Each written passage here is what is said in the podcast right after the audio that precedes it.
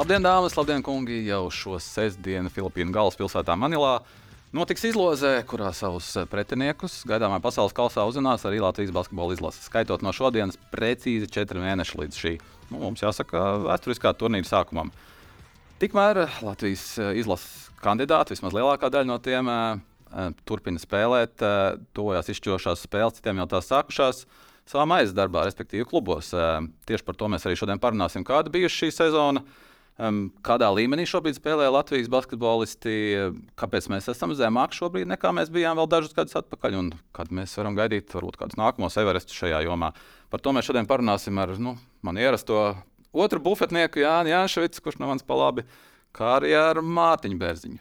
Basketbola aģentu uh, Future Sports Group līdzdibinātāju, teiksim tā. Uh, kurš, es domāju, mums ļoti labi palīdzēs norientēties šajā visā stāstā, jo pasaules kausa gads basketbolā ir nozīmīgs ne tikai mums, šeit, žurnālistiem, bet uh, domāju, ka arī basketbola aģentiem.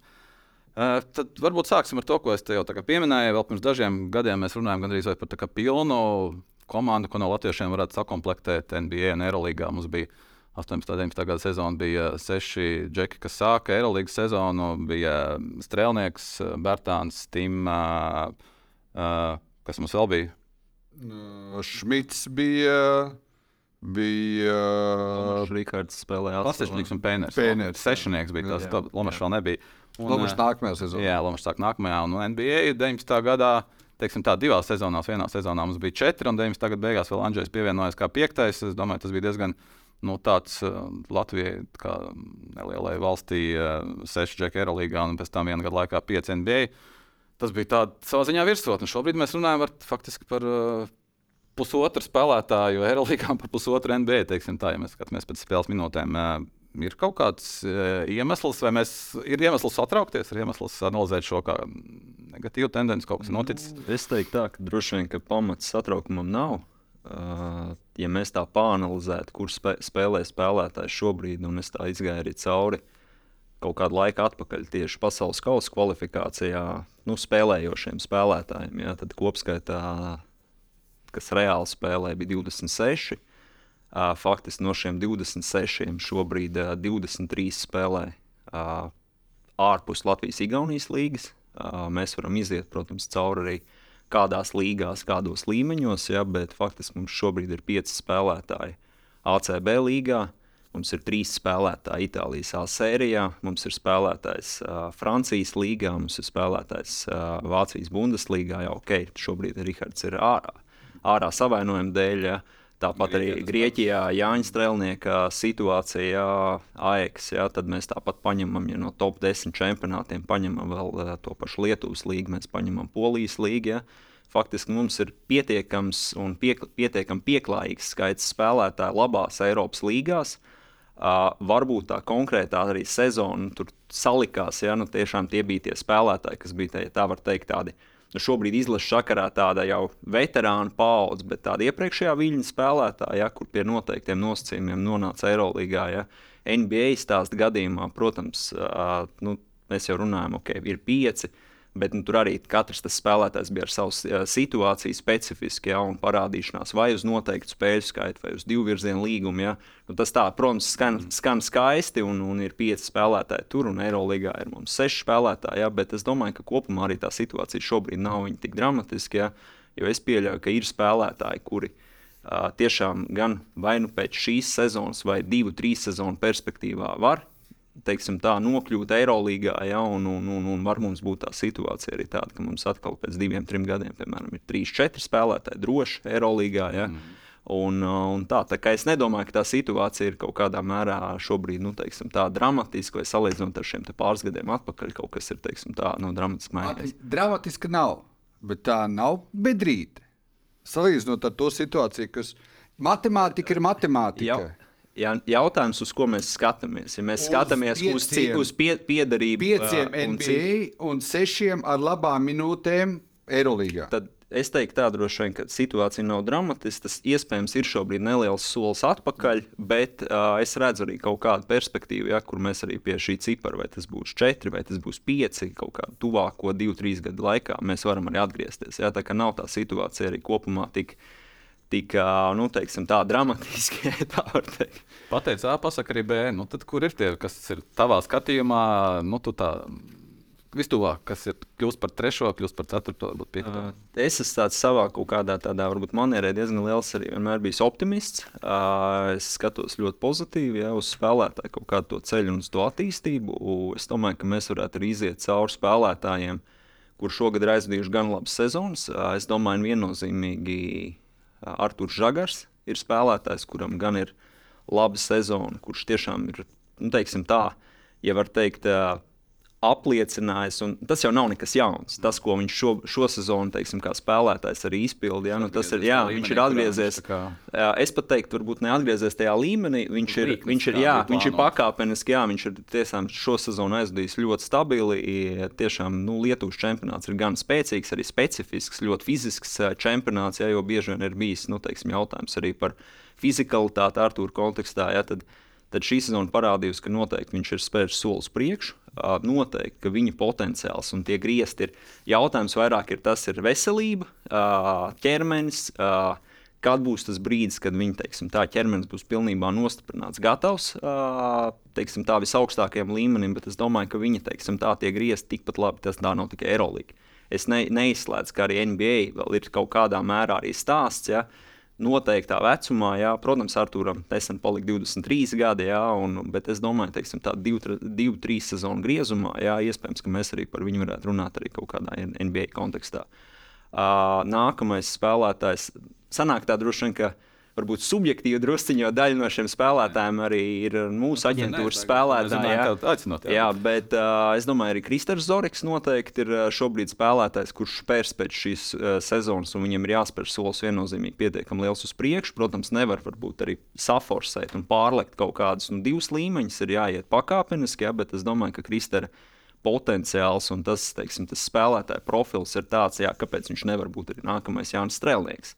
Pie tā stila un pie tā profila, ja, kāds viņš ir kā spēlētājs. Ja, tā kā es domāju, ka arī Kristēnam, protams, ir pakāpeniski ir jāiet nākamais solis uz priekšu. Es domāju, ka divu, trīs sezonu griezumā mēs arī Kristēnu varam redzēt mm -hmm. uh, Eirolandā vai pie Eirolandas durvīm. Ja, tā kā, tā kā tas ir Uh, Tāpat tās ir spēlēta. Uh, jā, es domāju, ka tie vēl ir uh, jebkurā gadījumā Rodions Kuruts, kurš, manuprāt, pēc potenciāla ir Eirolandes līmeņa spēlētājs. Ja, un, un noteikti tas arī ir laika jautājums, kad Rodions.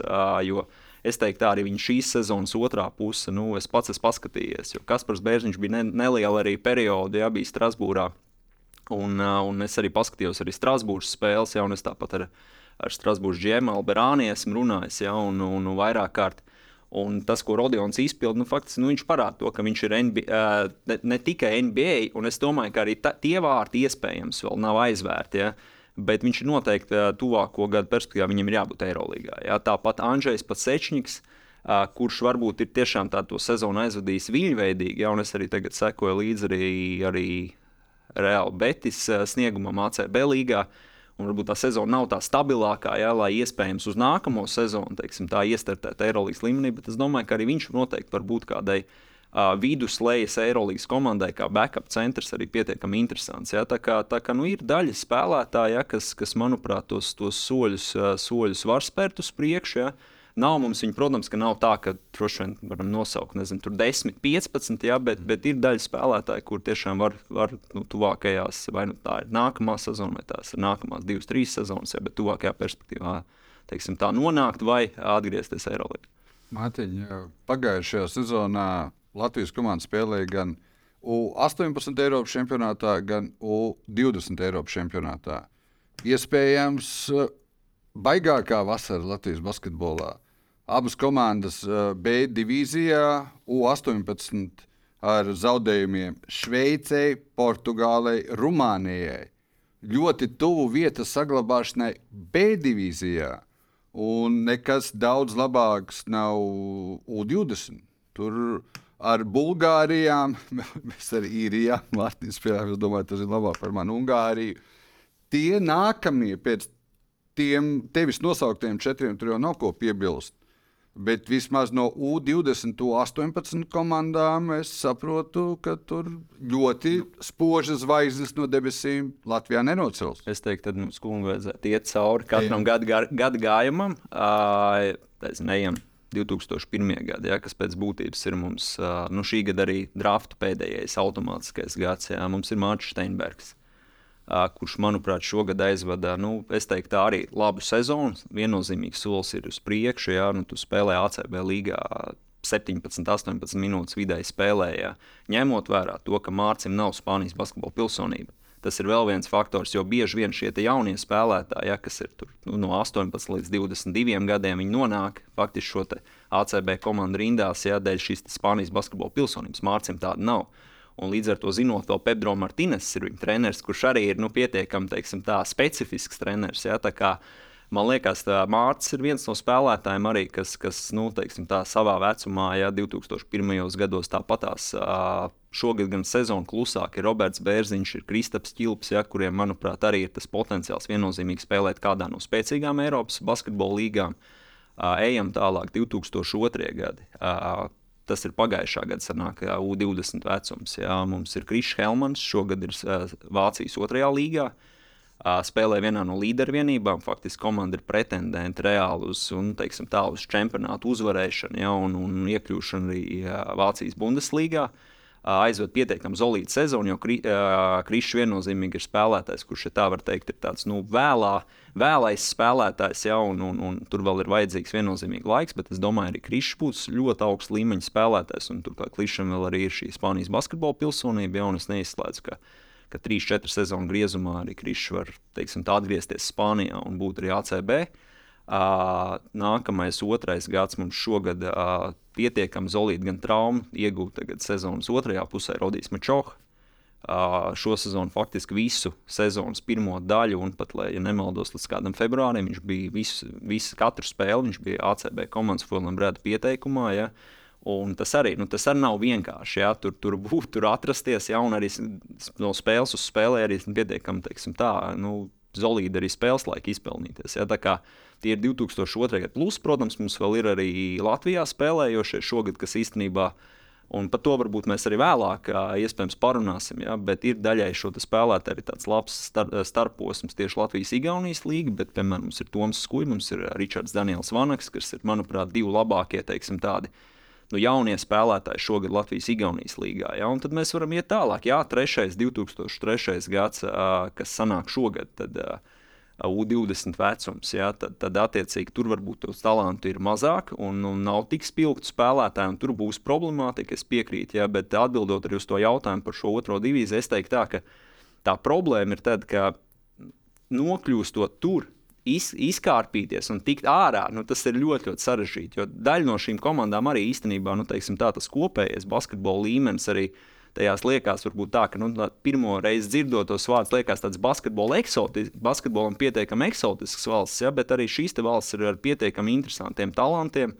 Un, un nav vienkārši praktiski, protams, ka nokļūt atpakaļ no šīs B divīzijas, A divīzijā. Ja? Bet uh, es teiktu, no trešiem gadiem varētu pieminēt uh, Fredu Bagātski, kurš tagad gan šodienas lasīju ziņu ir mainījis mainījis universitāti, ja, jo šī sezona varbūt viņam bija tāda pieticīgāka, klusāka. Ja, faktiski, ja tā var teikt, viņš nespēlēja, ja, bet nu, viņš ir pārgājis, manuprāt, uz tādu līmenim atbilstošāku universitāti. Un nākamā sezona vajadzētu arī reāli arī spēlēt. Ja, es domāju, Freds Bagāts ir spēlētājs ar viennozīmīgi ļoti augstu potenciālu. Ja. Jautājums arī tur veselības lietas tā tālāk. Ceturtie gadi mums ir Frederiks Meinārds, kas, manuprāt, arī ir tāds ilga termiņa uh, spēlētājs, ja, kurš, kuram vēl ir teiksim, tā arī kā spēlētājiem, ir, ir, ir jāaug, jāveidojās, ja, un, un, un es domāju, ka viņa tie reālie spēlētāji gadi būs 23, 24 gadu vecumā. Ja, un, un, un, tā kā ejot cauri, mums ir pa, pa vienam, diviem, bet nav tā, ka arī, protams, tajā katrā gada gājumā mēs varam nosaukt, es nezinu, tur piecus, septiņus, desmit spēlētājus. Arī tā tas nav. Ja, un,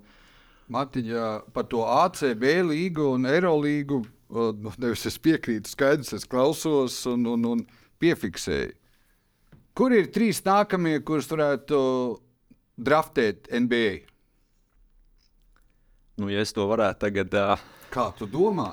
Es vienmēr nosaukt, uh, es teiktu tā, ka šī droši vien uh, jautājumā, jā, tad uh, es teiktu tā, ka nu, tās prognozes ir nu, pietiekami droši vien sarežģīti izdarāmas, jo, jo, jo es teiktu tā, ka noteikti no, šiem, no 2001.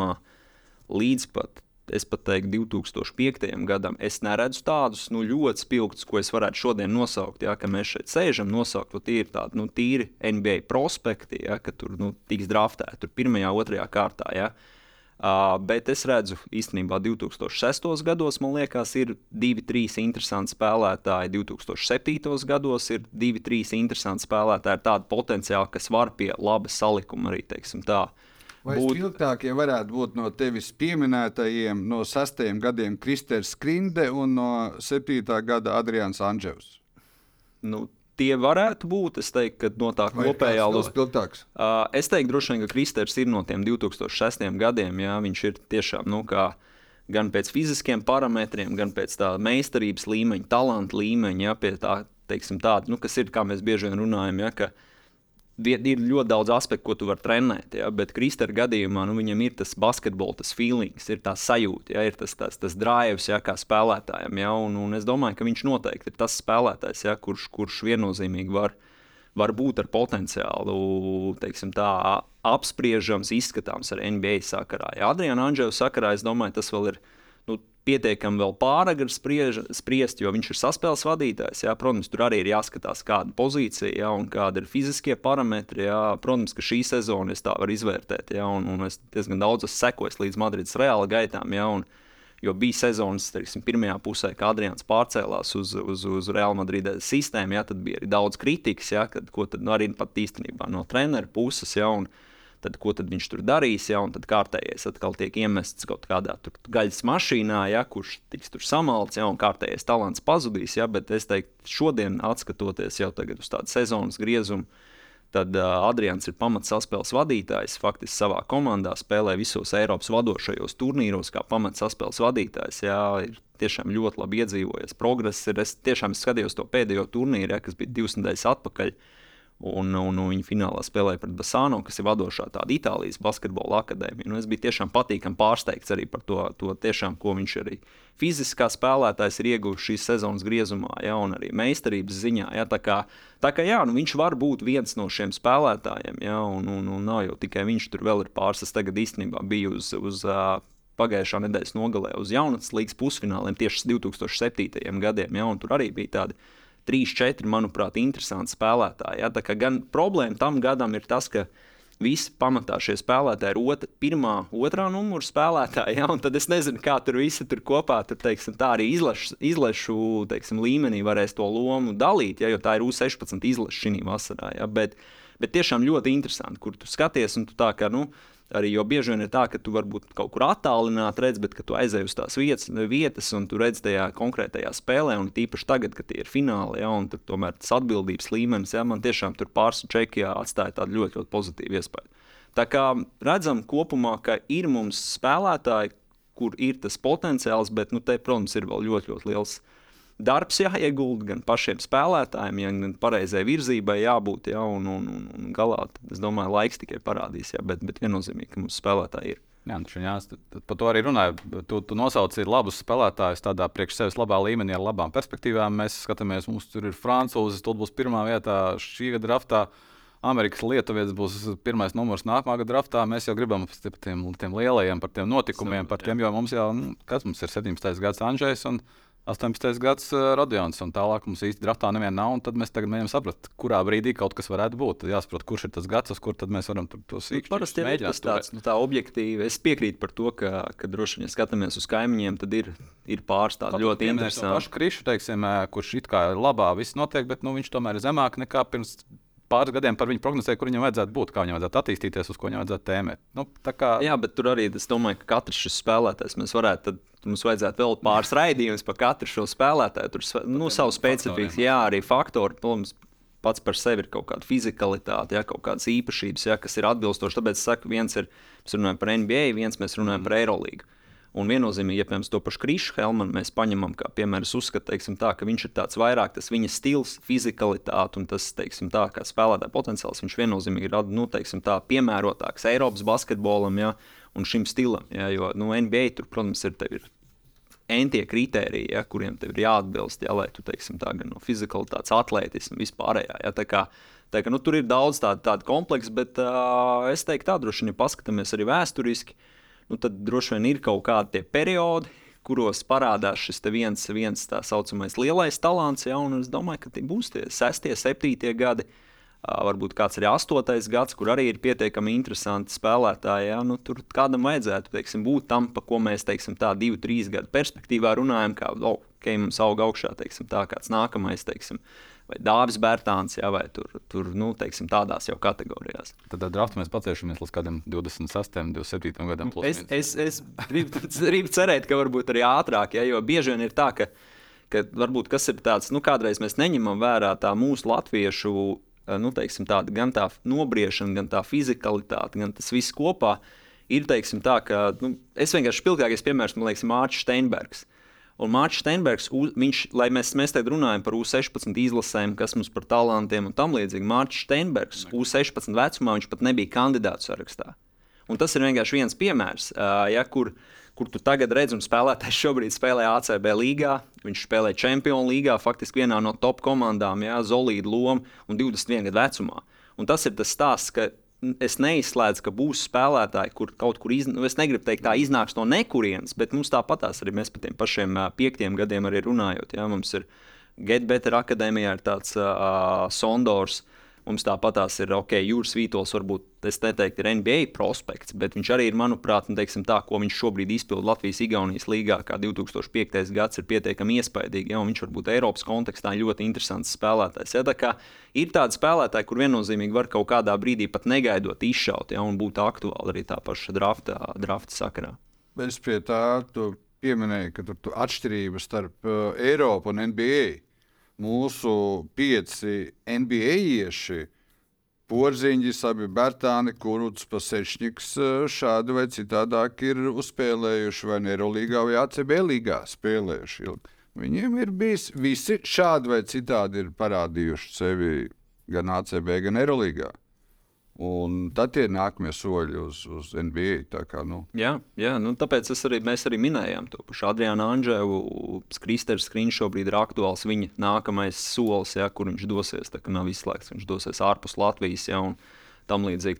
Es pilnīgi piekrītu, ka droši vien šie visi piemēri, ko jūs nosaucāt, jā, nu, tie ir nākuši no ne no Latvijas basketbola sistēmām. Jā, man, manuprāt, es tagad neatceros no galvas, bet varbūt Jānis Tīm ir iespējams vienīgais, jā, kurš, ir, kurš ir draftēts. Uh, Uzaugot, nu, teiksim, tā spēlējot šeit, jā, es neatceros, tajā laikā viņš bija Vēnspīlī vai, vai viņš jau bija Vēfā. Jā.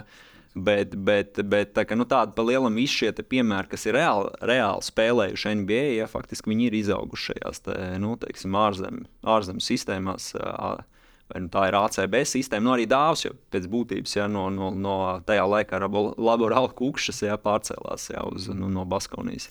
Šobrīd ir skaidrs, tas teici, ir skaidrs nākamais solis. Tev ir skaidrs tāds klasisks nākamais solis, ko tu vari ieteikt jauniem spēlētājiem. Tur Spānija, tad tālāk tas, tad tālāk tas, tāda akadēmija labāk tur, tad tas. Vai tādas formulas nepastāv. Tas ir jāskatās, mm. katrs spēlētājs ļoti individuāli. No, daudz pus, no daudzām pusēm esmu kritizēts par to, ka man aptuveni nu, gan daļa treneru vai, vai vecāki, jā, vai sporta skola. Jā, Visus aptuveni tur, tur bērziņas slikts, jā, kāpēc tur, tur nu, teiksim, tas kurs ir vienmēr Spānijā. Bet tad ir atkal, nu, mēs atgriežamies pie tā, uh, cik pirmkārt, ja mēs tā nu, objektīvi izskaidām, cik ir šo spēlētāju, kur dodas uz to Spāniju, nav viņi tik daudz un nav tas tik masveidīgi. Jā, faktiski uz šo te, nu, uz Spānijas šīm vadošajām sistēmām es nerunāju, es, es tiešām neesmu fans. Vai neatbalstu teiksim, tā, nu, to, to modeli, ka tur sūta nezinu, uz kaut kādām nu, tiešām nesaprotamām vietām, nesaprotamām sistēmām. Ja it kā tur Spānijas pieraksts vai Itālijas pieraksts, bet beigās tu pat nesaproti, ja, kas, tas, kas tā ir par organizāciju, ja, kas tas par klubu, kas tā par struktūru. Bet, ja tev ir potenciāls un tu vari uh, doties, un tiešām šī ACB sistēma ir gatava tev ņemt, jo tur jau arī tā konkurence ir milzīga. Daudz, da, bieži vien, nu, teiksim, lielai daļai arī mūsu basketbola sabiedrības liekas tā, ka aptuveni nu, katrs, kurš, kurš spēlē basketbolu, nu, tiek aicināts. Ja? Nu, tur arī nu, tā konkurence uz tām vietām, ja katrā šajā gada gājumā ja, ir mežonīga. Ja? Nu, tur to spēlētāji, nu, tajā pašā Madrides Reāla akadēmijā ir tūkstošiem kandidātu, kas tur gribētu nonākt, laba līmeņa spēlētāji. Ja?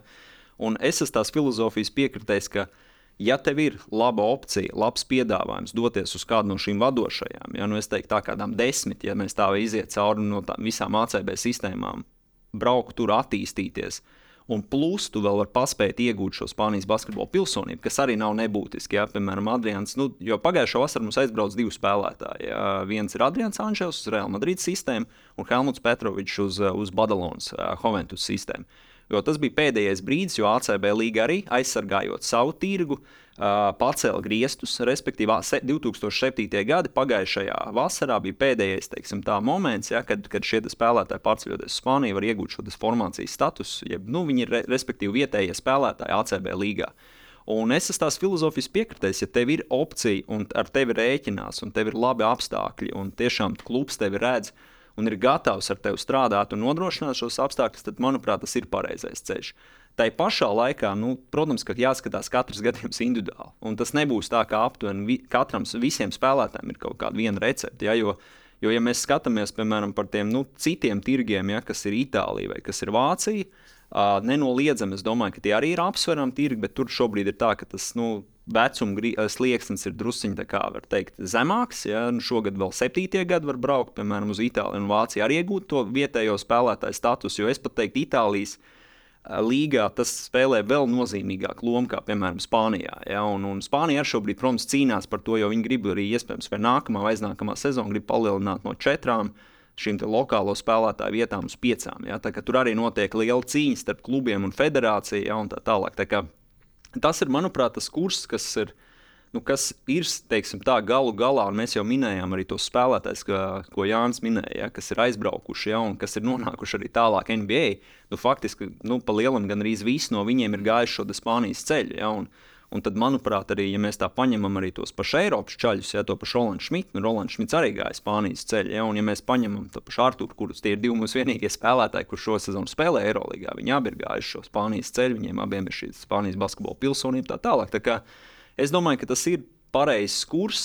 Bet, protams, ka ir jāskatās individuāli, un tas ir jāvērtē individuāli. Ja? Un, un, un, un es neatbalstu to, ka tā ir vienkārši aptuveni nu, ka bieži vien ir vecākiem, jā, tā kā ok, Spānija, ja, un tad mēs gribam uz Spāniju, mums te viss neapmierina Latvijā. Es nedomāju, ka arī Latvijā ir tik slikti, ja ir, ir gan labas sistēmas, ja, kas, kas pietiekami kvalitīvi strādā.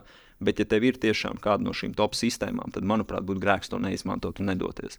Mārtiņ, šo sezonu viss ļoti labi notiek Mācim Steinbergam, bet, un tic man, Es domāju, ka Ingūns piekrīt. Mēs turam īkšķus par katru, lai tur iet pēc iespējas labāk, lai spēles viņa skatās un tā tālāk un tā projām. O, bet uh, skaidrs, ka tur uh, var pienākt tā, ka nākamajā sezonā neiet tik labi. Treneris pamainās, komanda pamainās.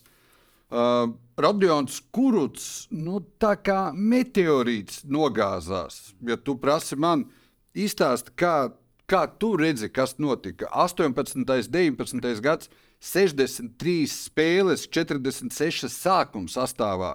8,5 punkti, nākamā sezona 47 spēles, 9 sastāvā, punkti divreiz mazāk, un principā vēl tad aizķērās. Tad viņi tur pamainīja pa trim komandām. Tā kā meteorīts ne NBA uzspēlēja, nu, un nu, dabalai Strasbūrā tagad izšķirošās spēles, bet nu, nav atguvies vēl tagad. Kas tur notika? Kā tu redzi? Skaidrs, ka mm. tu vari būt, ka nezini un tā tālāk. Es ja? droši vien nepārzinu nu, tik niansētu to NBA stāstu. Man grūti tur nu, teiksim, tā pateikt to ceļu, bet jāņem vērā droši vien ir viens tas, ka tā konkurence, kāda ir tur, tā ir nu, tik mežonīga. Un to spēlētāji arī nu, teiksim, ir tik daudz, kas pretendē uz šīm vietām. Un, ja mēs tā paskatāmies, tad jūs droši vien vairāk arī NBA analizējat un, un pētat. Uh, tad pa lielam ir šīs, te, protams, pāris lielās zvaigznes, un tas nākamais lokus, kas ir teiktu, tā, no kaut kāda no 5. līdz pat 12. spēlē, vai pat 15. ja tā var teikt. Un tie spēlētāji ir, nu, tā ir diskusija, ja? tur, tur, tur tā jau ir atkarīgs teiksim, tā, nu, kā, kā trenerim, kas patīk, kā aģentūra nostrādā. Uh, kā attiecīgi, kā lielā zvaigzne tur tās lietas bīd, jo tur arī, ir, arī tas ir atkarīgs. Ja, jo no bieži vien šim, šīs lielo komandu zvaigznes, ja, nu, viņas pat nosaka daļēji. Ja, caur viņām ir jāapstiprina sastāvā, ja, vai to spēlētāju mēs ņemam, neņemam. Ja. Funkcija, jā, jā, jā, tieši tā. Un, un tāpēc es, es droši vien nebūtu korekti no manas puses komentēt to NBA stāstu. Uh, Rodiona atgriešanās Eiropā Partizāna manuprāt, redzot, nu, ko Partizans šobrīd izpildīja, ja, un, un pagājušo gadu arī nu, teiksim, tā ambīcija un kāds sastāvs veidojās Partizanam ja, ar visu treneru Brādoviču. Un, un, un, un tiešām gan finansiālām iespējām, spēlētāju parakstīšanu. Kādas. Es, es teiktu, tā man grūti spriest, kāda bija teiksim, tā, tā saruna procedūra, vienojoties ar Partizānu. Jo, manuprāt, viņš iederētos. Nu, pēc manas tās kaut kādas sajūtas, skatoties vispār, kā Partizāns spēlē un kāds ir tas viņa spēles stils, manuprāt, Rodions būtu piemērots tam stilam. Bet man grūti spriest, kas tur arī bija, kāda bija tā, tā virtuve ja, un, un cik daudz ar treneru tika saskaņots. Jo jāņem vērā, protams, arī Partizāns stāsts ir tāds, ka no Brādoviča ir ja ir komandas, kur tiešām ir liela daļa nu, teiksim, tā komplektēšana, iet caur ģenerāla menedžeru, un tad trenerim varbūt ir tāds gala nu, tā akcepts, jā vai nē, nu, tad Obrādovičs ir autoritāte visā. Un, un tev ir faktiski ļoti svarīgi tiešām jājūt, ko tas Obrādovičs, cik Obrādovičs pats tev grib, kā viņš tev redz. Ja? Jo viņš ir tiešām tas treneris, kas, protams, arī cīnās par spēlētājiem. Un viņš ir tāds, ja viņš tev paņem kā spēlētāju, ja, nu, tad viņš tev nu, tās iespējas dos uh, ļoti daudz. Ja, un, un tāpēc man grūti spriest arī par to partizānu, ja, jo, manuprāt, Rodions būtu, nu, teiksim, tā iedarējies, un es pat teiktu, viņš būtu pilnīgi loģiski, ja teiksim, tā jau šo sezonu viņam vajadzēja spēlēt arī Partizāna rindās ar Eirolandā. Tā kā man grūti spriest par tām kaut kādām aizkulisēm, ja, kas varbūt tur, nezinu, vai nu tā ķīmija kaut kāda nebija, ja, vai kā tur tika nokomunicēts. Tas droši vien ir tā nu, no manas puses nebūtu korekti analizēt. Es varu vienkārši tādu iedot savu viedokli no malas. Ja. Uh, tai pašā laikā man bija pārsteigums ja, arī par to pašu Reāli Betis. Uh, ka, nu, es teiktu, tā no Rodionam nu, viņš ir, varētu būt dominējošs ACP līmeņa spēlētājs. Ja, es biju pārsteigts par to, ka nu, tomēr es pieļauju, ka Rodionu parakstīja kā vienu no teiksim, tā, nu, komandas līderiem. Uh, ar iespējami lielāko līgumu. Man nebija saprotams, kāpēc viņi tur nu, kaut kādās spēlēs viņš tur spēlēja drusku vairāk, ja, bet, bet galu galā ja, nu, tur bija spēles, kur viņi vairs vispār neizmantoja, ja, vai izmantoja ļoti epizodiski. Ja. Un, un, un tāpēc tiešām man, man grūti spriest, kāda ir tā komunikācija. Es pats tur nepiedalos, un, un, un man nav tur bijusi darīšana. Ja, teiksim, viņa sakarā, ja, kā tur ir teiksim, tā komunikācija gan ar klubiem, gan ar, ar treneriem, ja, bet man īsti nebija saprotams, ja, kāpēc viņš tajā reāli betis. Un, protams, ka atkal Strasbūrs tas stāsts, es teiktu, tā, tā ir tāda. Nu, teiksim, tā celšanās uh, augšup, ja, jo, jo Luka Banki nu, tiešām ir treneris, kurš, kurš acīm redzot, arī tas izlases modelis jau iepriekš parādīja, ka viņam tieši patīk šie te, teiksim, tādi gara auguma trešie numuri, ja, un, un kas ir 3, 4 pa lielam. Ja, atceramies arī dāvu, tāpat viņš izmantoja brīžiem arī pa trešo numuru. Un es domāju, ka Rodiona stils viņam ir tāds, kas viņam ļoti simpatizē. Ja? Un, un tad viņš ir iedevis, man liekas, Rodionam tagad tādu otro elpu, tādu nu, to, to pārliecību. Ja? Un, un, un es, es domāju, tā, ka nākamā sezona viņam viennozīmīgi ir jāspēr solis uz priekšu. Jautājums, kādā līmenī viņš ieliks atpakaļ Eirolandā. Ja? To laiks rādīs, varbūt tas ir arī divu sezonu stāsts. Ja? Bet, bet viennozīmīgi, ka nu, saka, ir kaut kādas situācijas, un kā, atbildot uz to tavu jautājumu, ja, ko tu izde, uzdevi. Tad nu, ir tie brīži arī spēlētāju karjerās, ja, kur ir tik daudz to mehānismu, kam ir jāsaliekās. Ja, un tad brīžiem vienkārši kādreiz no malas skatoties, tu it kā nesaproti, kāpēc tur ir tas krītiens. Ja. Bet tajā pašā laikā es domāju, ka viņa gadījumā viņš ir gana jauns spēlētājs. Viņš ir dzimis 98. gadā. Jā, tā kā es teiktu, viņam vēl viss ir priekšā un, un ir iespēja, kā saka, atkal to, to, to līknu vērst uz. uz, uz... O, ja mēs par problēmu spēlētājiem runājam, tad pieminam Jānis Tīma tu kā aģents šobrīd eh, redzētu, tu ņemtu viņu un viņš spēlētu? Vai, eh, tas, mēs jau kādu ilgu laiku ap to ir vairāk apzinājušies. Es īsti nevaru saprast, eh, kā uz to skatīties. Atbrauc Jānis izlasē, parāda, ka viņš ir spēlētājs, aizbrauc prom, atkal nesaprom, nav spēlētājs. Kā tu viņa situācija ir? Nu, grūti, ir kā aģents. Uh, es teiktu tā, ka droši vien, ka, nu, ja mēs runājam, nu, mēs droši vien varam runāt profesionāli un varam arī kaut ko pakritizēt. Ja, un, uh, tad, manuprāt, tā viņa uh, kļūda bija tā, nu, tāda kaut kāda nu, pārāk mērķiecīga vai tāda visu laiku fokusēšanās uz NBA, ieciklēšanās uz NBA, ka man tur vajadzētu nonākt, es tur gribu nonākt. Ja? Tā tālāk, protams, ka atkal ir tur sava loģika, jo tajā brīdī, tad, kad Jānis bija uh, G-līgā, respektīvi uh, Magic Fārklubā, uh, pēc būtības tā sezona bija tāda Covid mocīta sezona, un tur daudz netrūka. Tur faktiski bija ļoti daudzās, daudzās komandās, ja, kur šie spēlētāji COVID, COVID dēļ, faktiski šo protokolu dēļ, tur, jā, tu staigāji turpat pakaļ, un, un nav izslēgts, ka nu, tur varbūt bija ļoti, ļoti minimāls solis līdz tam, lai viņš tiešām realistiski debitētu NBA. Ja, un, un no otras puses, nu, nevar spēlētājiem pārmest to, nu, ja tas sapnis ir nu, vienu dienu nonākt NBA, kāpēc viņam to liekt. Bet tajā pašā laikā, jā, manuprāt, tas atkal kaut kādā ziņā viņa to vērtību, nu, teiksim, tādā Eiropas basketbola tirgu, jā, pēc būtības, nu, es domāju, teiksim, tā pazemināja. Jā, un, un, un tas tas stāsts, jā, ka, ka viņš tiešām bija nu, tajā brīdī, kad viņš bija nu, pārējot no Baskonijas uz Olimpijākos, no Olimpijākos uz Himkiem. Ja? Nu, tā viņa vērtība kā spēlētājiem, ja nu, viņš bija, nu, es nebaidos teikt, viņš droši vien bija labāk atalgotais latviešu basketbolists Eiropā ja, ar atrāvienu un, un pieprasīts. Ja, un, un, un tur es ļoti labi zinu kaut kādu nu, teiksim, tādu informāciju, ja, kas basketbola aprindās. Ja, tur tajā brīdī tur gan Madrides Reāla, gan daudz citu klubi bija gatavi teiksim, ar viņu sēsties pie galda un, un, un viņu parakstīt. Ja, un, un līdz ar to es domāju, ka tā bija tāda kaut kāda drusciņa, varbūt tāda nu, tā NBA vārda likšana pa priekšu, uh, iešana uz šo mērķi. Kura nu, nerezultējās. Ja, jo atkal no otras puses, nu, jūs pilnīgi precīzi pieminējāt, ja Jānis atbrauc, bija liela skepse, ja, ka tagad Jānis Tīm brauks uz izlasi, ja, tad kāds tad viņš izskatīsies, ja nav spēlējis tur nezinu, pusgadu, ja aptuveni. Un Jānis ierodas, ja, viņš nospēlēja, manuprāt, nu, īsti, viņš bija labākais, ja tā var teikt, abās šajās spēlēs viņš bija labākais spēlētājs, ja, un ar, tā, ar to pārliecību, ar kādu viņš darbojās, ja, un, un tas, ko viņš var. Un tāpēc man arī šobrīd es teikšu tā, ka nu, viņš ir noteikti tas spēlētājs, ja, uh, kuram vēl viss nav beidzies. Kaut kā man tāda iekšēja sajūta, ja, ka nu nav viņš vēl nezinu, 36, 37 gadus vecs, ja viņam vēl ir iespēja, manuprāt, būt drusciņi, varbūt jānolaižās nu, teiksim, tā no, no tādiem eirolīgas augstumiem. Ja, un varbūt jāparakst, jāpieņem kaut kāds mazāk, teiksim, nu, finansiāli jaudīgs līgums, piemēram, kādā Eiropas vai Champions League komandā, ja uztaisīt labu tādu comeback sezonu, atgriežoties Eiropas basketbolā, apliecinot sevi. Ja, un viss. Un tad es domāju, ka viņam ir iespējas vēl arī iepeldēt arī tajā pašā Eirolandā. Kāpēc ne? Ja, bet... bet tīri profesionāli, kāda tev ir sajūta? Vai Jānis lēmumu, kur viņš atrodas dzīvo un mēģina spēlēt, pārāk daudz neietekmē attiecības ar dzīvesbiedru? Es nepārzinu viņu privā, privāto dzīvi, ja, bet noteikti tas var būt iemesls, ja, jo, jo loģiski, ja tu esi. Es tā vienkārši nu, kaut kādā mēģinot analizēt arī tā, ka no malas skatoties uz to, ja, ka, protams, ka droši vien, ka ja viņas tā dzīves vieta un ģimenes dzīves vieta ir Miami, ir ASV, Un es pieļauju, ka, jā, ka droši vien tas skatījums arī uz kaut kādiem klubiem Eiropā ir nu, tāds, nu, ja tas nav kāds nu, teiksim, no lieliem grandiem un teiksim, tā arī, nu, teiksim, arī finansiāli ļoti jaudīgs līgums, nu, tad, tad droši vien to nav vērts pat izskatīt vai apsvērt. Ja?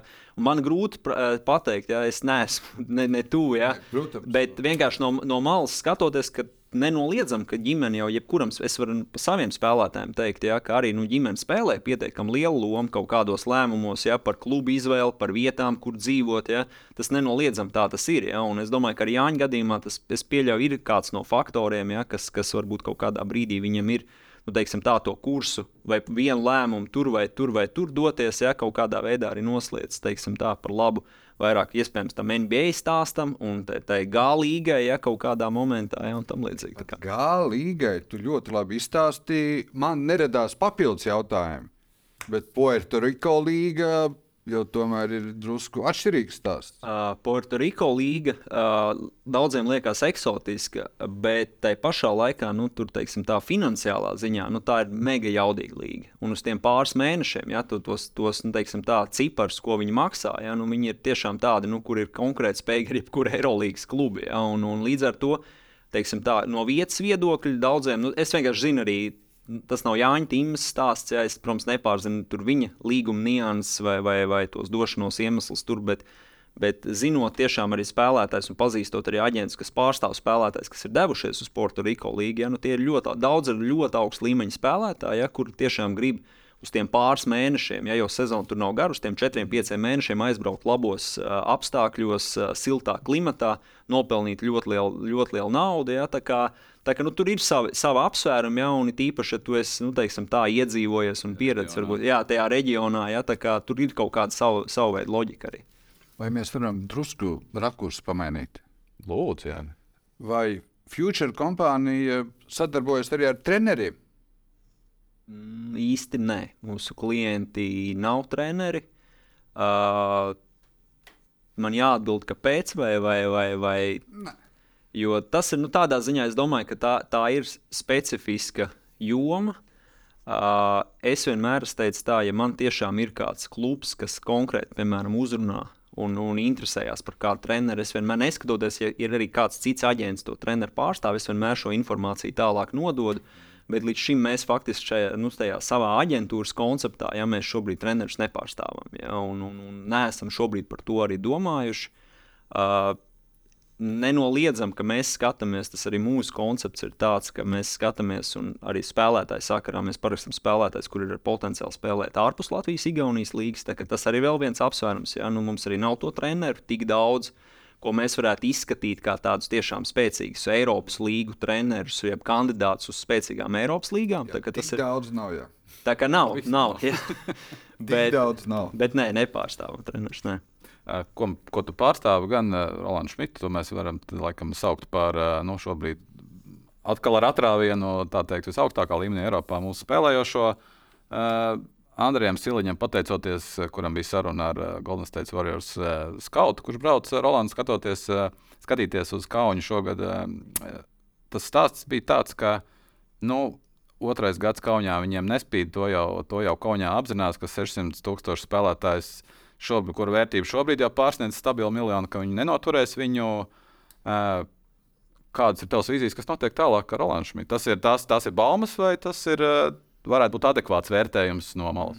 Es domāju, ka Rolands kopumā kaut kādā ziņā teiktu, tas ir nu, diezgan adekvāti. Mm -hmm. uh, jo nu, sezona tiešām, ja mēs tā analizējam, ja Rolandam ir nu, bijusi ļoti, ļoti veiksmīga. Uh, plus, protams, Žalgarim ir ļoti veiksmīga sezona. Ja, tā ir tāda, es, es vienmēr vērtēju to, ka tomēr arī spēlētāji pienesuma komandas sniegumā galu galā kāds rezultējās arī komandas rezultāts. Ja, tā, tas arī nav, nav nebūtiski. Rolands ir uh, minūtēs top 3, uh, labākais rebounders komandā, uh, top 3 punktos, top 3 efektivitāte. Nu, pēc būtības viņš ir nu, komandas viens no līderiem, ja, un droši vien, ja Uh, mēs tieši kaut kad ar, ar, ar saviem partneriem runājām par to, ka, ka faktiski, nu, ja kāds no GMiem izteiktu, nu, piemēram, tādu, nu, būtu tāds jautājums, ja, kur no žēlgājas spēlētājiem jūs teiksim, tā visaugstāk novērtēt vai gribētu pie savas komandas, es domāju, ka Rolands būtu numur viens. Ja, nu, tā ir objektīva situācija. Ja, un, un, protams, ka pirms šīs sezonas bija varbūt arī lielai daļai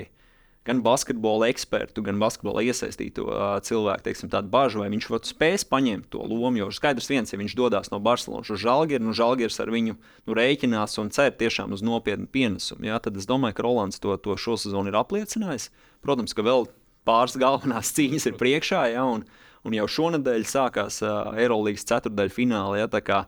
Redzēsim, kā ies, un turklāt vēl pret Barcelonu. Tur arī lieka motivācija nevajadzēs. Ja, un, un, es domāju, tur būs ļoti, ļoti interesanti. Ne viņam, ne komandai, ne visai pilsētai. Es pieļauju, ka jā, Lietuvai kā, kā, kā valstī, ja, un Žalgirim kā organizācijai, ja, tā, tur ir daudz tādu stāstu apakšā. Ja, bet, Bet atgriežoties pie, atgriežoties pie Rolanda, jā, nu, Rolanda situācija ir tāda, ka viņam ir vēl viena gada līgums ar Žalgiru, bet mums ir arī uh, izēja uh, līdz noteikta, noteiktās robežās un tā tālāk. Tā kā, uh, Intereses nenoliekšu, ka interesi ir no vairākiem klubiem. Interesi ir no Žalgira, Rolandu pagarināt vēl uz noteiktu periodu, ja, un nākt ar pilnīgi jaunu piedāvājumu, un vēl jaudīgāku piedāvājumu. Ja.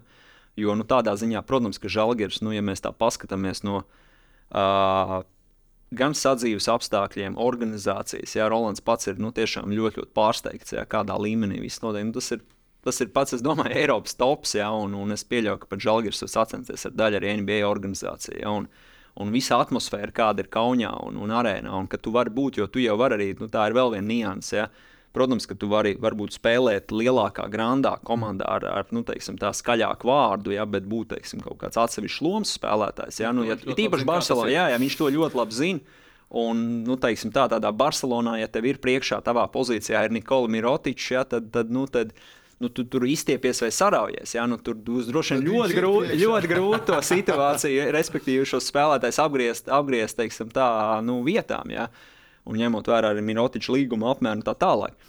Un status, un, protams, arī spēlētāja kvalitātes. Jā, nenoliedzami viņš ir labākais spēlētājs Eiropā. Bet uh, tas arī vēl viens stāsts, ja, ka Žalgarī, protams, viņš ir viens no līderiem. Jā, un, un, un, un viņš spēlē šo līderu lomu, un tas viņam arī tiešām, arī, kā es ar viņu runāju vairāk kārt, jā, un tas viņam arī spēlē ļoti būtisku nozīmi. Jā, un, uh, Viņam tiešām viss patīk, jā, patīk organizācija un tam līdzīgi. Protams, ka no otras puses mēs saprotam to, ka žēlgira ambīcija. Nu, Diez vai žēlgirim ir iespēja nu, cīnīties. Jā, tie, tie griezti varbūt nav kā tādi. Jā, tieši, tieši tā, tas ir objektīvi. Jā, otrs, protams, arī tā finansiālās iespējas ir, teiksim tā, nu, atpaliek nu, teiksim, no kaut kādiem pāris uh, lielajiem grandiem, jeb lielajiem dūžiem. Ja? Tā kā redzēsim, nu, šī vasara būs, būs interesanti. Ja es pat teiktu, tā šis pavasaris, vasaras sākums ja, būs interesants. Redzēsim, vai Rolands paliek žalgarī vai, vai, vai, vai, vai, vai viņš dosies kaut kur citur, bet es neizslēdzu, ka, jā, ka viņš arī var palikt žēlgrī. Tur bija arī tā pie, tāda piezīme, Rolands šogad ir nostabilizējis eh, tālmetienu no stūra, līdz ar to viņš ir kļuvis interesants arī pāri okeānam, eh, kur teorētiski varētu būt runa par divvirzienu līgumu. Arī kaut kas tāds eh, eksistē.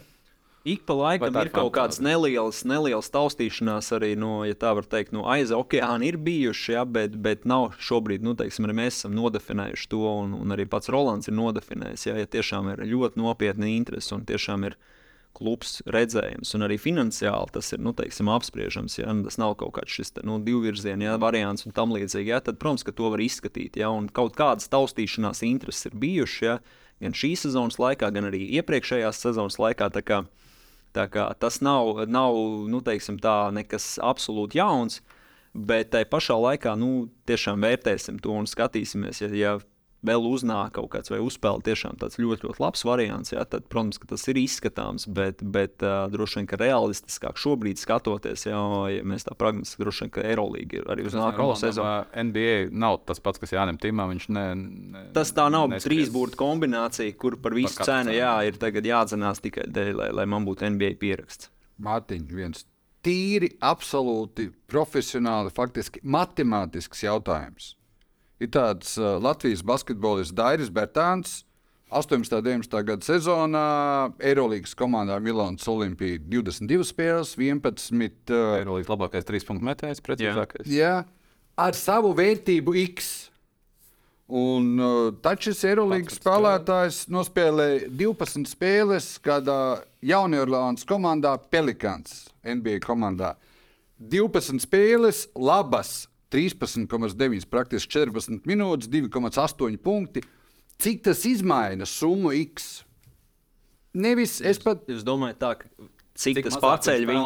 Jā, cik paceļ vērtību? Paceļ vērtību vai, jā, vai... Cik paceļ vērtību? Tu esi Eirolandes spēlētājs, uh, un tagad tev CV parādās. Es domāju, 12... ka Him, nu, jo Daira pārējai bija pēc Pelikāns, bija uz Himkiem. Es pieļauju, ka tas nospēlēja kaut kādu lomu viennozīmīgi. Tas viņa cenu drusciņu pacēla. Es nedomāju, ka tas ir, tas ir. Tas nav tā, ka tagad reizes divi kāds tur reizināt tos ciparus. Tā tālāk, protams, ka Himki nu, tā ir specifiska organizācija. Jā, tur, to mēs zinām. Tur, jā, tur, jā, tur to mēs ļoti labi zinām, un, un, un tur visādi brīnumi var notikt. Jā, bet es pieļauju, ja mēs skatītos tagad nu, tādā šī brīža Eirolandes kontekstā. Jā, vai būtu kāda komanda, kas tagad dēļ tā NBA pieraksta to, cenu, būtu tagad, nezinu, gatavi dubultot, piemēram. Ja? Es šaubos.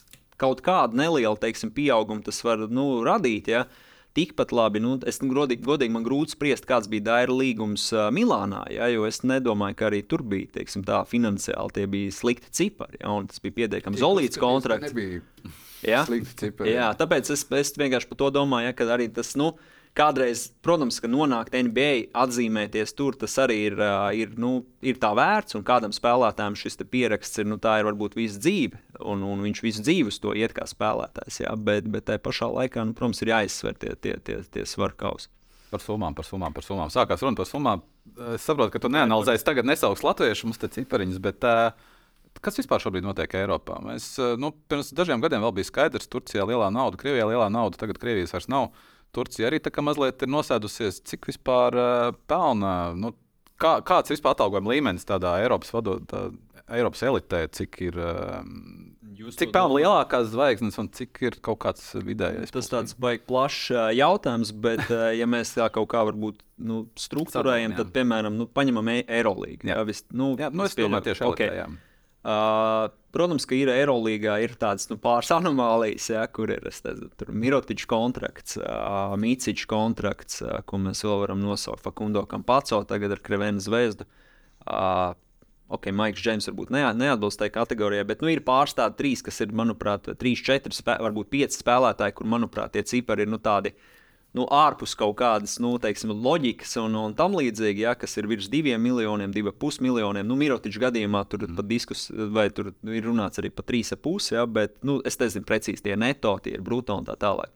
Uh, bet es teiktu, tā, ka droši vien tādu nākamo spēlētāju kategoriju, kas ir kādi nākamie tādi top 10, top 12 čaļi, nu, tad, tad teiksim, tā viņa vērtība ir tas miljons, 1, 1, līdz 1,2 līdz 1,3. Tad ir kaut kāda tā nākamā kategorija, kas, manuprāt, arī ir pietiekami augsta līmeņa spēlētāji. Ja, un, un labi, nu, labi Eirolandes spēlētāji, ja, kas ir kategorijā no 500 līdz 700. Un tad, protams, ir arī spēlētāji Eirolandā arī ar, ar 150, 000, 150, 200 tūkstošu līgumiem, ja, un tam līdzīgi. Ja, ja mēs tur paņemam to pašu Asvelu vai Minhenes Bayern ja, vai Berlīnas Albu. Arī Baskonijā kāds spēlētājs varbūt šajā Jā, arī Baskonijā ir pieļauj arī šādā kategorijā, jā, varbūt pat drusciņi arī zem tā, tā, tā cipari, jā, tā kā, tā kā, nu, tā amplitūda ir ļoti, ļoti plaša. Ja? Un, un es teiktu, tā, ka jūs minējāt par to pašu Turciju. Es teiktu, Turcijā cipari plus mīnus tāpat turās ļoti, ļoti augsts. Ja? Un nav tāda, tas tā nu, tiešām saudabīgi, ja? jo tur ir ik pa laikam bijušas kaut kādas ekonomiskas kolīzijas valstī. Ja? Un, Un tur valūtas, teiksim, tās, tās, tās straujās svārstības, ja, bet tāpat tās nu, cipari, kādos nu, vadošo, vadošajos klubos spēlētāji paraksti ir ļoti, ļoti lieli un ļoti, ļoti augsti. Ja. Uh, bet bet nu, tas arī tur, teiksim, tā, ja mēs droši vien vērtētu arī tos nākamos līmeņus pa līgām, ja, un, un, un tam līdzīgi, tad tā amplitūda ļoti, ļoti plaša. Ja, jo, jo, jo mēs jau zinām, ja paņemam kaut nākamo līmeni, ja tur Champions League vai Eiropas, ja, tad tur var būt no 50 tūkstošiem sezonā līdz pat pusmiljonam, varbūt arī 600, 700 tūkstoši maksā kādā no šiem Eiropas klubiem. Ja, tā kā, nu, tas tāds plašs, uh, plašs domāju, tāds, nu, gan temats ļoti plašs un, un, un, un, protams, ka niansēti nu, mēs jau neviens nezinām, jo tie līgumi vienmēr ir Eiropā atšķirībā no NBA. Viņi ir konfidenciāli, ja, un tās vairāk ir tādas nu, sajūtas. Nu, es zinu, cik nu, kaut kādiem no mūsu spēlētājiem kāda līguma un par kādām lietām runājam. Protams, ir kaut kādas arī. Nu, teiksim, tā informācijas aģentu starpā un klubu starpā, ja tā, mēs kaut kādus tos indikatīvos ciparus varam nojaust. Un, un, un, bet, protams, ka precīzi arī es nepateikšu. Mārtiņ, kā tu teiktu, kāpēc ir tā, ka Amerikā NBA. Mēs par katru līgumu zinām spēlētāju opciju, UTT, UTT. Pati problemātika kā tāda, kāpēc tas Eiropā ir noslēpums kopumā? Kā? Nu, es, es no, man no vienas puses arī liekas dīvaini, jo nu, it kā nekā jau tur tāda, nu, kā katrā šajā valstī nu, spēlētājs parakstu klubi maksā oficiāli nodokļus. Ja nav vairs, es nezinu, tā kā varbūt gads 10 vai 20, ja kādi ir stāsti dzirdēti, ja ka tur Krievijā ved ar koferu mājās, ja, vai ne Un ne pat Krievijā ir arī Grieķija un tā tālāk. Jā, visādi tie brīnumi stāsti ir dzirdēti. Jā, bet, uh, Man ar tas ir bijis tāds, nu, liekas, uh, dīvaini, kāpēc to nevarētu nu, kaut kādā formā, nu, labi, neejam līdz, varbūt tur, nezinu, pilnīgām niansēm, ja, bet, nu, vismaz kaut kādas pamatrāmas tomēr, jā. Kādi, jā. Jo, jo, jo, jo tas, nu, No otras puses, protams, ka mēs visi saprotam, ka Eiropā basketbols nav biznesa. Ja, tad, tad varbūt tur ir kaut kāda apsvēruma, ja tajā visā no NBA tas viss ir tiešām, nu, mēs zinām, tur ir biznesa puse. Tur tu visu var salikt, teiksim, tā, ja, izreikināt Excelī. Eiropā tas vairāk tā ir tāda improvizācija. Tā ir tāda palielam arī tāda bieži vien kaut kāda mecenātu vai tur, nezinu, lielo klubu, kaut kādu futbola klubu labvēlība, teiksim, basketbola organizācijām. Ja, līdz ar to varbūt tas ir arī viens no iemesliem, ka tur ir nu, ir varbūt netik skaidra tā naudas plūsma. Ja, un... Klubi vēlās paturēt krēsla zonā basketbolistu atalgojumus. Nu, vēl viens iemesls iespējams ir tas, uh, ka nu, ir noteikti, piemēram, nu, vienalga, tu gribi parakstīt spēlētāju, nu, tad, ar, protams, ir kaut kādas cīņas starp klubiem, ja, un par summām un par cipariem. Ja, ja, ja tas būs tā, nu, pilnīgi atklāti nodefinēts, ja, es domāju, ka kaut kāda, nu, droši vien, ka lielāka zaudētāja tajā pusē būs basketbola klubu un basketbola organizācijas, ja, jo, jo, jo Nu, tā ir tāda, es pieļauju, es neesmu to arī labs jautājums īstenībā, laba tēma, jā, jo, jo man, man no tāda. No vienas puses liekas, kāpēc tas nevarētu būt atklāti. Un ir čempionāti, mēs zinām, arī ir piemēram Eiropā, ja tāpat Francijas līga, ja, kas, piemēram, arī atklāti publicē arī budžetus komandām. Ja, Uh, pirms nodokļu nomaksas, pēc nodokļu nomaksas, tā tālāk. Ja, un Francijas līnija tādā ziņā vispār ir nu, ļoti, ļoti punktuāla. Ja, es, tur, mēs kas par bērziņu, tur nu, kas bija divus mēnešus tur. Ja, un, nu, tur tur, tur nu, pilnīgi katrā tajā punktā niansē, ja tur ir būtiski nozīme, tur pa dienām, tur pa stundām, ja, un tur, tur vesel, vesels mehānisms ir atstrādāts. Ja, es, es domāju, kāpēc tas nevarētu būt arī teiksim, tā lielā daļā šo līgu, ja, bet, bet skaidrs atbildes man nav. Bet nav, jā, bet nav. Jā, diemžēl mums jau pamazām tuvojās tās sarunas beigām, lai mēs varētu runāt vēl, man liekas, tikpat ilgi. Bet uh, noslēgumā varbūt pajautāsim par to, ko mēs sākām ar Latvijas izlasi pasaules kausā. Nu, ko runā, nezinu, profesionāli aprindās. Tu braukā ar riņķi, brauc tiecies ar cilvēkiem. Uh, mēs, mēs zinām, fakts, Latvijas izlase ir iekļuvusi pasaules kausā. Visi super vēsturiski, uh, visiem prieks. Uh, tas ir kaut kāds faktors, ko tu sajūti kā basketbola aģents. Tev ir kaut kādi vairāk jautājumi, vai kas ir tas, par ko runā? Ap Latvijas izlasi un pasaules kausu. Tas ir. kaut kas tas pats, kas Nu, mums. Tas ir nenoliedz, nenoliedzami. Tā ir tāda nu, patīkama tēma. Ja, ja varbūt gadus, no divas atpakaļ vai trīs, ja es tagad neatceros jau, jau precīzi, ja, kad nu, netikām uz Eiro, Eiro basketu. Ja. Tad nu, parasti tā bija tāda nu, tēma, ko labāk mēģināt, tā kā varbūt nu, ne, ne, nelikt sarunas, sarunas teiksim, saturā. Ja? Tad, tad tagad, protams, tā ir tā tēma, ja, ko vienmēr nu, mēs pārunājam, vienalga, vai ar sadarbības partneriem, vai ar, ar klubiem, organizācijām. Ja? Un nenoliedzami arī spēlētājiem tas palīdz. Arī man kā aģentam pozicionējot spēlētāju, tā, protams, ir papildus pievienotā vērtība. Ja? Ka tu vari pateikt, re, kur tas čels ir bija pasaules kausa kvalifikācijā. Viņš palīdzēja Latvijai pirmo reizi 30 gadu vēsturē nonākt pasaules kausā. Ja? Tā, tā noteikti ir tēma, kas tiek apspriesta. Uh, protams, ka otra sadaļa ir tāda, nu, arī kaut kādā mērā apspriežama arī. Nu, kādas varētu būt tās šansas, jeb, jeb izredzes, jā, izlasēja, un, un, un cik liela mums ir perspektīva kaut ko arī izcīnīt. Tā kā jau uz to man jāatbild, tad, protams, ka tur nu, teiksim, tā viedokļi dalās, bet mans viedoklis ir tāds, ka ja mēs tiešām varam dabūt iespējami spēcīgāko sastāvu, kas mums ir pieejams. Ja? Un, un šajā gadījumā, protams, jāņem vērā to, ka, diemžēl, mums Jānis Strēlnieks nevarēs palīdzēt. Rihards Lomačs, ja es ļoti, ļoti ceru, ka vispārējais iespējamie spēlētāji būs veseli un būs pieejami. Ja? Tad ar tāpat ar to resursu, kas mums ir, manuprāt, mēs varam nu, uzlikt ļoti, ļoti spēcīgu, konkurētspējīgu izlasi. Ja? Un tad tur jau ir jautājums, ir tas, nu, katra spēle, un, un tur jau kaut kāds nianses to izšķirs, bet es pieļauju, ka viennozīmīgi mēs būsim konkurētspējīgi. būs aģentu starpā šitā te par to 10, 12 vietu? Mēs zinām, ka vēsturē mums ir šie stāsti. Par to, kurš kur, kur dabūt izlasē, lai dabūtu viņam ierakstā to stāstu, un šeit ir pasaules kausa ieraksts. Es, nedomāju, es, es pieļauju, Vai ka arī tas ir. garām? ā, Es, es teikšu tā, ka man liekas, arī bieži vien, mē, nu, es negribu teiksim, tā vainot mēdīs, vai, bet ir bijusi kaut kādā ziņā, man liekas, tas nu, tā, kā, tā aģenta loma. Uh, spēlētāju izvēlē tieši Nacionālo valsts vienību sakarā, un tieši tas pats ir arī par jaunatnes izlasēm. Ja, tur kāds aģents, kur es, es godīgi, es viņu, es domāju, ka tas ir stipri, stipri pārspīlēts. Mārtiņ, Un-. Tu gribi teikt, ka šis ir tas gadījums, kad mēdīji ir mācējuši radīt dūmus bez uguns. Nu, varbūt kaut kāda maza, ma, mazs, mazs uguns kaut kur, kāds kaut kur druskuļi kaut ko ir dedzinājis nedaudz, bet, uh, bet es teiktu, droši vien tas.